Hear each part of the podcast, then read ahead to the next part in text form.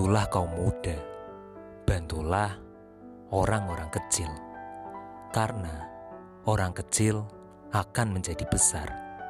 Kaum muda akan memiliki benih yang Anda kubur dalam pikiran mereka, dan ketika mereka tumbuh besar, mereka akan mengubah dunia.